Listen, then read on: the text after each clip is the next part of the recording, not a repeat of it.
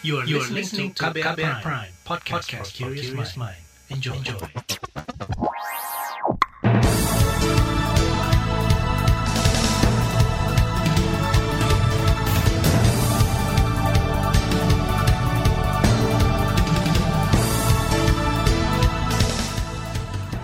Selamat pagi saudara, senang sekali kami bisa menjumpai Anda kembali melalui program Buletin Pagi edisi Selasa 8 Juni 2021 bersama saya Ardi Rusyadi. Sejumlah informasi pilihan telah kami siapkan di antaranya menyusul Kudus, lonjakan COVID-19 kini terjadi di Bangkalan Madura. Presiden Jokowi minta pembelajaran tatap muka di sekolah hanya dua kali sepekan. TNI Polri siap hadapi ancaman teroris Papua Barat yang akan bunuh pendatang di wilayah konflik. Terbaru di Buletin Pagi. Saudara Satgas COVID-19 di Kabupaten Bangkalan, Madura, Jawa Timur mencatat angka kasus COVID-19 usai libur lebaran kemarin sangat mengkhawatirkan. Terdapat 34 kasus kematian dalam dua minggu dan ada 169 kasus aktif dalam seminggu terakhir. Menteri Kesehatan Budi Gunadi Sadikin mengungkapkan penyebab utama meledaknya kasus COVID-19 di Kudus, Jawa Tengah dan Bangkalan, Madura, Jawa Timur akibat masuknya warga dari luar wilayah secara bersamaan. Di Kabupaten Bangkalan misalnya, terjadi pergerakan kepulangan pekerja migran Indonesia. Menkes memastikan percepatan vaksinasi menjadi salah satu jalan guna menekan laju penularan di Kabupaten Kudus, Jawa Tengah dan di Kabupaten Bangkalan, Jawa Timur. Untuk vaksinasi, ini juga di sisi hulu, khusus daerah Kudus kita sudah drop 50 ribu vaksin vaksin khusus untuk daerah Kudus supaya bisa segera disuntikan. Di Bangkalan juga kita sudah drop, kita akan drop eh, segera 50 ribu supaya bisa mengurangi resiko penularan. Menteri Kesehatan Budi Gunadi Sadikin menambahkan saat ini terjadi kenaikan okupansi rumah sakit di Bangkalan. Dalam kurun waktu hampir dua pekan, keterisian rumah sakit di sana meningkat drastis. Hal serupa juga dialami Kabupaten Kudus. Menkes memastikan telah mengurai tekanan beban yang ada di rumah sakit dengan cara merujuk pasien bergejala berat dan sedang ke rumah sakit tingkat provinsi. Sementara itu, juru bicara Satgas COVID-19 Bangkalan Agus Sugianto Zain mengatakan peningkatan kasus positif COVID-19 diduga terjadi sebagai dampak dari aktivitas masyarakat yang saling berkunjung selama libur lebaran. Tambah lagi adanya gelombang mudik ratusan pekerja migran Indonesia dari luar negeri. Meski demikian, Agus memastikan pekerja migran yang masuk ke Indonesia telah menjalani isolasi dua hari di provinsi, kemudian isolasi tiga hari di kabupaten, dan karantina lagi di Balai Diklat Kabupaten selama tiga hari. Panglima TNI Hadi Cahyanto menegaskan akan segera menugaskan tenaga kesehatan dari TNI dan Polri untuk membantu rumah sakit di Kudus, Jawa Tengah dan Bangkalan, Jawa Timur. Panglima TNI juga mengajak daerah-daerah untuk menerapkan jogo tonggo atau saling jaga antar sesama tetangga demi mengantisipasi lonjakan kasus COVID-19. Saya sampaikan pesan kepada bupati maupun wali kota. Implementasi jogo tonggo yang paling ringan dan tidak berat adalah dengan menggunakan masker. Karena dengan menggunakan masker, saya melindungi saudara. Dan saudara melindungi saya. Saya melindungi tetangga. Dan tetangga juga melindungi saya. Hanya dengan menggunakan masker. Panglima TNI Hadi Cahyanto menambahkan pihaknya bersama Satuan Tugas COVID juga sudah melakukan pendampingan ke daerah yang mengalami lonjakan kasus. Pendampingan itu berupa pemberlakuan pembatasan kegiatan masyarakat PPKM Mikro, pendampingan juga untuk membantu penambahan kapasitas pengetesan dan pelacakan atau testing dan tracing COVID-19. Sementara itu, Ikatan Ahli Masyarakat Indonesia atau IAKMI meminta orang-orang yang bergejala COVID-19 aktif segera memeriksakan diri ke layanan kesehatan. Ketua IAKMI Ede Surya Darmawan mengatakan hal itu perlu dilakukan untuk mencegah penularan meluas dan menekan angka kematian akibat COVID-19 ini adalah sebuah momentum untuk meningkat kesadaran ya. Tapi kan itu butuh pencegahan ya kan. Kasus yang sekarang yang ada itu kan pencegahan di awal supaya orang nggak tertular. Pencegahan berikutnya adalah mereka yang sudah bergejala harus segera memahamkan diri, dipahamkan gitu supaya mau diperiksa kan begitu ya. Jadi pencegahan berikutnya segera temukan kasus ya. Begitu kasus ditemukan sedini mungkin, kalau dia sakit kan segera dirujuk. Kalau ada gejala berarti ke pelayanan kesehatan. Kalau tidak berarti dia bisa melakukan isolasi mandiri di rumah. Nah, Ketua IAKMI Ede Surya Darmawan juga menyayangkan masih rendahnya kesadaran masyarakat akan pandemi COVID-19. Selain itu, masih banyak masyarakat yang menganggap COVID-19 serupa dengan penyakit biasa, sehingga mereka melakukan kesalahan fatal dalam pencegahan dan penanganan. Saat ini di Kudus 60 desa masuk zona merah COVID-19, sedangkan di Bangkalan angka kematian yang justru melesat. Banyak pasien yang sudah dalam kondisi parah baru berobat ke rumah sakit. Lembaga Pemantau Penanganan Pandemi Kawal COVID-19 menilai status risiko penyebaran COVID-19 yang terbagi atas beragam zona tidak mencerminkan kondisi yang sebenarnya. Salah seorang penggagas kawal COVID-19 Erlina Ciptadi mengatakan warna-warni zona penyebaran COVID-19 didasarkan pada jumlah kasus yang tercatat. Contohnya Bangkalan. Bangkalan itu zona kuning. Zona kuning tetapi tingkat kematian COVID-nya itu sekitar 10%. Itu luar biasa tinggi karena seharusnya itu tingkat kematian COVID itu tidak lebih dari 3%. Apalagi Indonesia itu populasinya muda. Seharusnya lebih dekat ke 1% daripada 3%. Kedua, Zona kuning itu tidak seharusnya uh, rumah sakitnya itu penuh. Jadi apa yang terjadi di Bangkalan itu adalah zona kuning, tetapi kondisi lapangannya itu tidak kuning, merah. Erlina Cip tadi menambahkan pemerintah jangan menjadikan angka kasus dalam pemetaan zona COVID-19 sebagai acuan tapi harusnya lebih mempertimbangkan data jumlah tes COVID-19 dan menghitung tingkat positivitas. Kawal COVID-19 sejak lama terus mendesak agar pemerintah meningkatkan pengetesan, pelacakan, dan pengobatan, termasuk mengetes semua kontak erat pasien COVID-19 meski tidak menunjukkan gejala terinfeksi. Presiden Joko Widodo memutuskan pembelajaran tatap muka di sekolah hanya dua kali sepekan. Informasinya akan hadir usai jeda. Tetaplah di Buletin Pagi KBR. You're listening to KBR Pride, podcast for curious mind. Enjoy!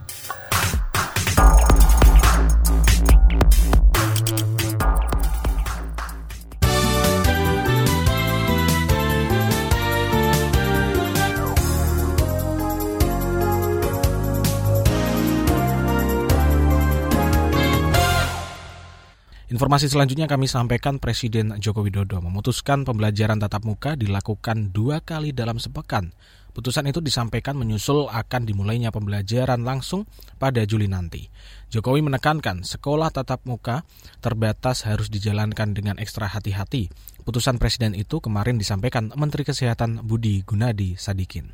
Bapak Presiden tadi mengarahkan pendidikan tatap muka yang nanti akan dimulai itu harus dijalankan dengan ekstra hati-hati. Tatap mukanya dilakukan tatap muka terbatas. Hanya boleh maksimal 25% dari murid yang hadir. Tidak boleh lebih dari dua hari seminggu. Jadi seminggu hanya dua hari boleh melakukan maksimal tatap muka. Kemudian setiap hari maksimal hanya dua jam. Menurut Menkes Budi Gunadi Sadikin, Presiden Jokowi juga menekankan agar opsi menghadirkan anak ke sekolah ditentukan sepenuhnya oleh orang tua.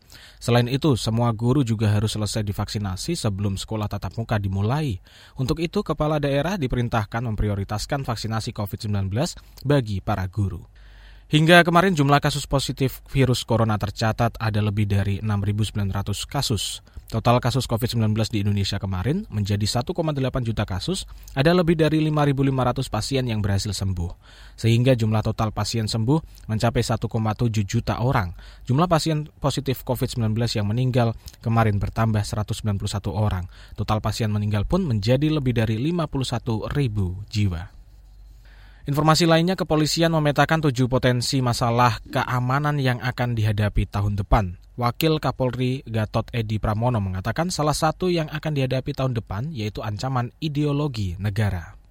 Proses globalisasi dan kemajuan ilmu pengetahuan dan teknologi juga menghadirkan berbagai ancaman dari segi ideologi, politik, ekonomi, dan sosial budaya. Perkembangan teknologi informasi melalui dunia maya atau cybercrime dan penyebaran informasi hoax yang melanggar Undang-Undang ITE.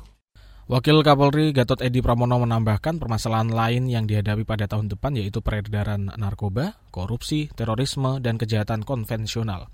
Menurut Edi, kejahatan muncul atas dampak ekonomi akibat pandemi COVID-19 yang mempengaruhi keamanan masyarakat. Informasi lainnya, Komisi Pemberantasan Korupsi KPK meminta penundaan sidang pra-peradilan SP3 perkara bantuan likuiditas Bank Indonesia atau BLBI atas tersangka Samsul Nur Salim dan Ici Nur Salim. Juru bicara KPK Ali Fikri mengatakan, tim Biro Hukum KPK masih menyiapkan surat-surat administratif persidangan.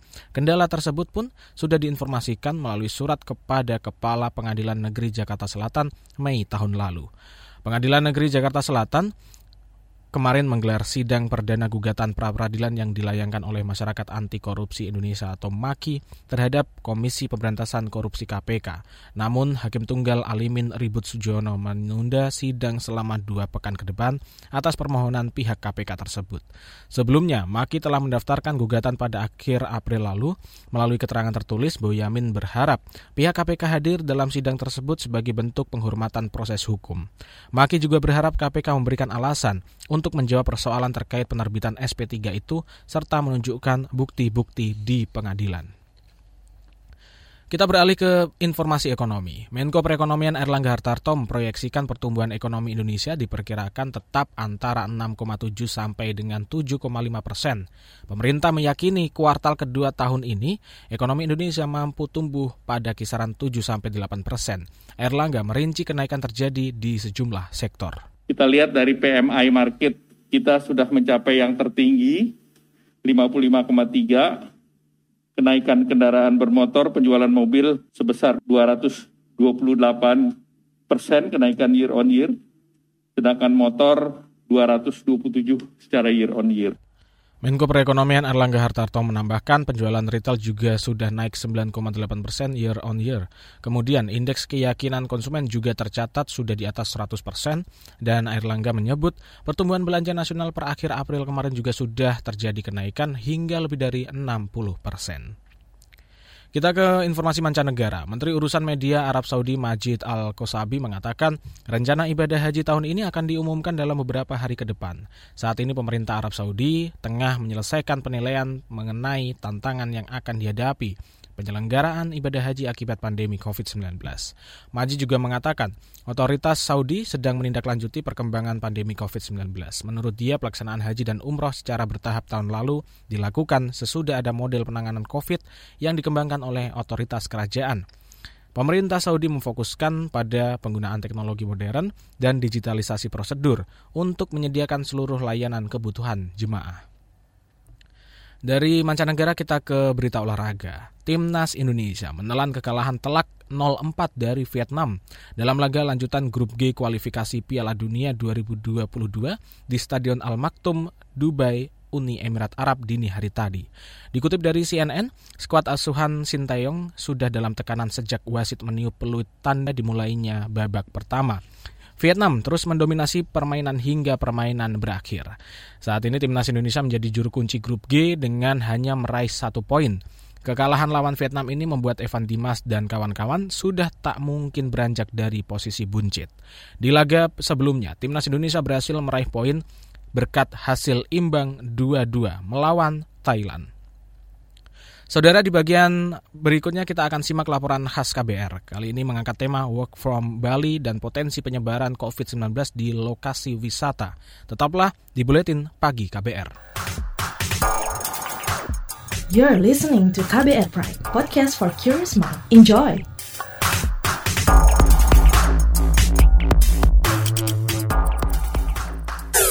Commercial break. Transfer ke sini udah, bayar ini juga udah. Ke gue udah. Heh, Allah, pertumbuhan ekonomi tuh lagi melambat, persis kayak tabungan gue. Betul banget, harus matang ngelola keuangan. Pengennya tuh investasi sesuatu gitu ya. Apa gitu yang cocok dan menguntungkan? Hmm, coba dengerin uang bicara deh. Gue belakangan lagi dengerin podcast itu di KBR Prime. Reksadana yang tadinya 500 juta udah turun dari 250 juta sekarang 10 ribu. Sama kita ngopi mahalan mana?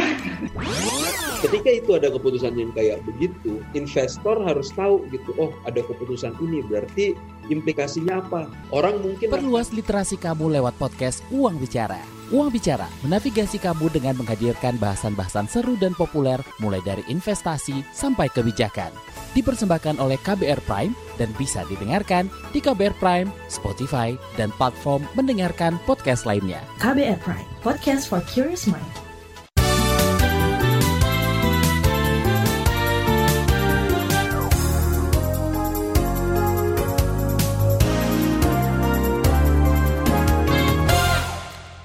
Anda masih bersama kami dalam Buletin Pagi KBR dan pada segmen ini kami sampaikan pemerintah terus berupaya memulihkan sektor wisata. Salah satunya melalui program kerja dari Bali atau Work from Bali. Tapi program yang diusung dengan konsep digital nomad itu tidak lepas dari potensi munculnya klaster COVID-19 di lokasi wisata. Pemerintah pun diminta menyeimbangkan pelaksanaan WFB dengan pelaksanaan dan pengetatan protokol kesehatan. Berikut laporan khas KBR yang disusun Yovinka Ayu. Saudara, pemerintah berencana mengadakan kegiatan kerja dari tempat wisata seperti di Bali atau Work from Bali. Menteri Pariwisata dan Ekonomi Kreatif Sandiaga Salahuddin Uno mengatakan konsep digital nomad atau seseorang bekerja memanfaatkan teknologi digital dari luar kantor akan menjadi daya tarik program ini. Sandiaga Uno yakin program Work from Bali akan meningkatkan pertumbuhan ekonomi di Bali yang sebelumnya sangat terpuruk akibat pandemi COVID-19. Bali merupakan salah satu provinsi yang pendapatan daerah terbesarnya diperoleh dari sektor pariwisata. WFB ini terus kita siapkan, termasuk juga yang ingin saya sasar adalah kesiapan para UMKM-UMKM di Bali untuk menyiapkan produk-produk ekonomi kreatifnya, mulai dari kuliner, kria maupun fashion karena work from Bali itu mungkin 30% saja dari dari dampaknya terhadap hotel, sisanya adalah produk ekonomi kreatif termasuk restoran. Menteri Pariwisata Sandiaga Uno mengatakan akan mempersiapkan semua kebutuhan di Bali bersama Kementerian Koordinator Bidang Kemaritiman dan Investasi, mulai dari dukungan internet, infrastruktur, gelar acara hingga membangun suasana kerja. Program ini akan ditujukan bagi aparatur sipil negara di kementerian lembaga yang berada di bawah Kementerian Koordinator Kemaritiman dan Investasi. Program Work from Bali atau kerja dari Bali mengundang minat dari daerah lain. Provinsi Nusa Tenggara Barat juga tertarik untuk berancang-ancang mengusulkan program Work from Lombok Sekretaris Dinas Pariwisata Provinsi NTB lalu Hasbul Wadi mengatakan akan segera bersurat ke pemerintah pusat guna mengusulkan program Work from Lombok untuk menggairahkan pariwisata NTB. Yang kita targetkan sebanyak ada lima ya, key tourism area kita ya. Yang pertama key tourism area Senggigi dan Tramena. Yang kedua Mandalika dan sekitarnya. Yang ketiga Renjani ya, termasuk dalamnya Sembalum dan sekitarnya. Nyebrang ke Tambora, Moyo, oh, Tambora. masuk juga sana kita. Namun program kerja di tempat wisata yang diusung dengan konsep digital nomad ini punya resiko tinggi penyebaran COVID-19. Kabupaten Kudus di Jawa Tengah yang dikenal sebagai salah satu tujuan wisata ziarah atau religi, kini menjadi sorotan akibat bahaya wisata di masa pandemi. Kudus yang semula masuk zona oranye kini menjadi zona merah pandemi COVID-19. Kepala Bidang Lalu Lintas dan Angkutan Umum Kabupaten Kudus, Putut Sri Kuncoro, terpaksa harus menolak dan memutar balik kedatangan ratusan bus pariwisata yang mengangkut rombongan peziarah dari berbagai daerah. Kan masuk Kudus, kemudian dari tanggal 27 Mei sampai 2 Juni setelah kita adakan penyekatan ya toh enam penyekatan tiga hari dua empat dua lima dua enam ya. Itu hampir rata-rata 270 kendaraan mbak. Bus mikrobus. Mikrobus itu alap-alap itu yang kejadian dari tanggal 27 Mei sampai 2 Juni hari ini kita putar balikkan tuh sampai saat ini kurang lebih ya 60, 65, 63 lah kendaraan. Sementara Kementerian Kesehatan mengimbau pelaksanaan kerja dari tempat wisata seperti Walk from Bali harus diimbangi pengetatan protokol kesehatan. Juru bicara vaksinasi dari Kementerian Kesehatan Siti Nadia Tarmizi mengatakan pengawasan protokol kesehatan harus dilakukan lintas sektor dan menjadi tanggung jawab Satgas Penanganan COVID-19 daerah provinsi maupun kabupaten kota.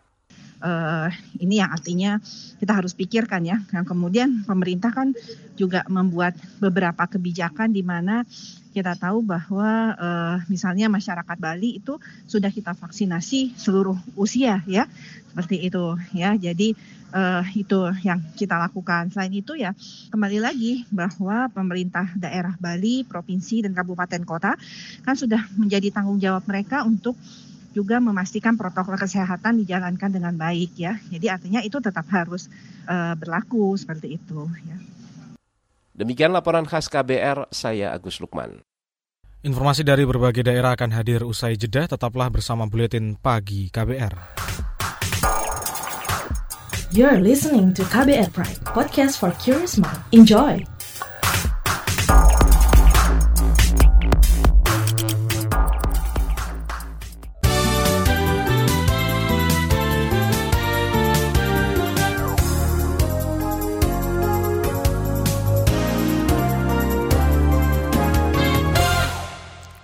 Inilah bagian akhir buletin pagi KBR dan informasi pertama kami sampaikan berkaitan dengan informasi Papua.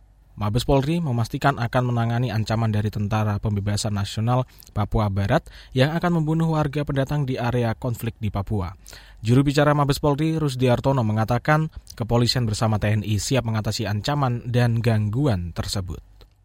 Ya jelas seperti itu. Ketika melihat gangguan-gangguan seperti ini, TNI dan Polri terus berupaya secara optimal bagaimana gangguan-gangguan itu bisa ditangani dengan baik.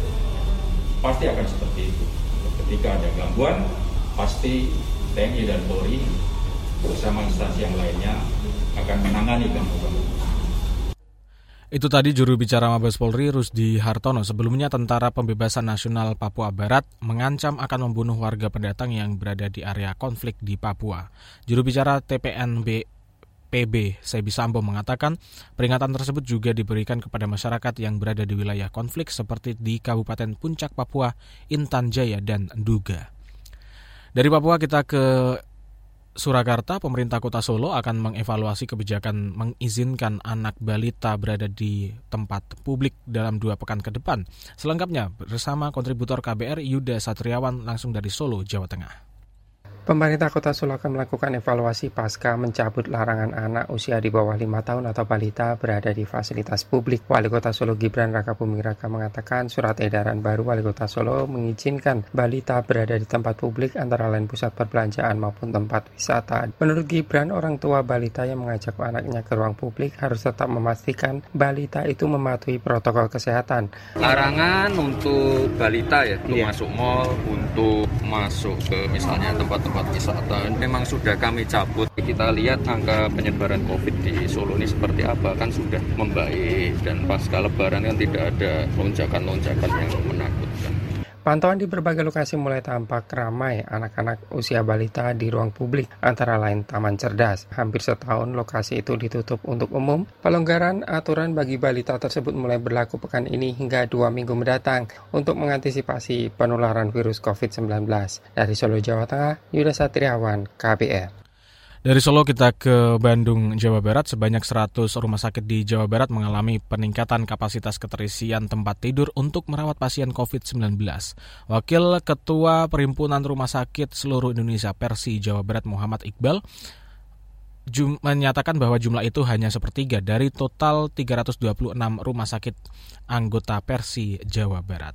Informasi dari Bandung Jawa Barat menutup jumpa kita di buletin pagi hari ini. Pantau juga informasi terbaru melalui kabar baru, situs kbr.id, Twitter kami di akun @beritaKBR serta podcast di alamat kbrprime.id. Akhirnya saya Ardi Rusyadi bersama tim yang bertugas undur diri. Salam.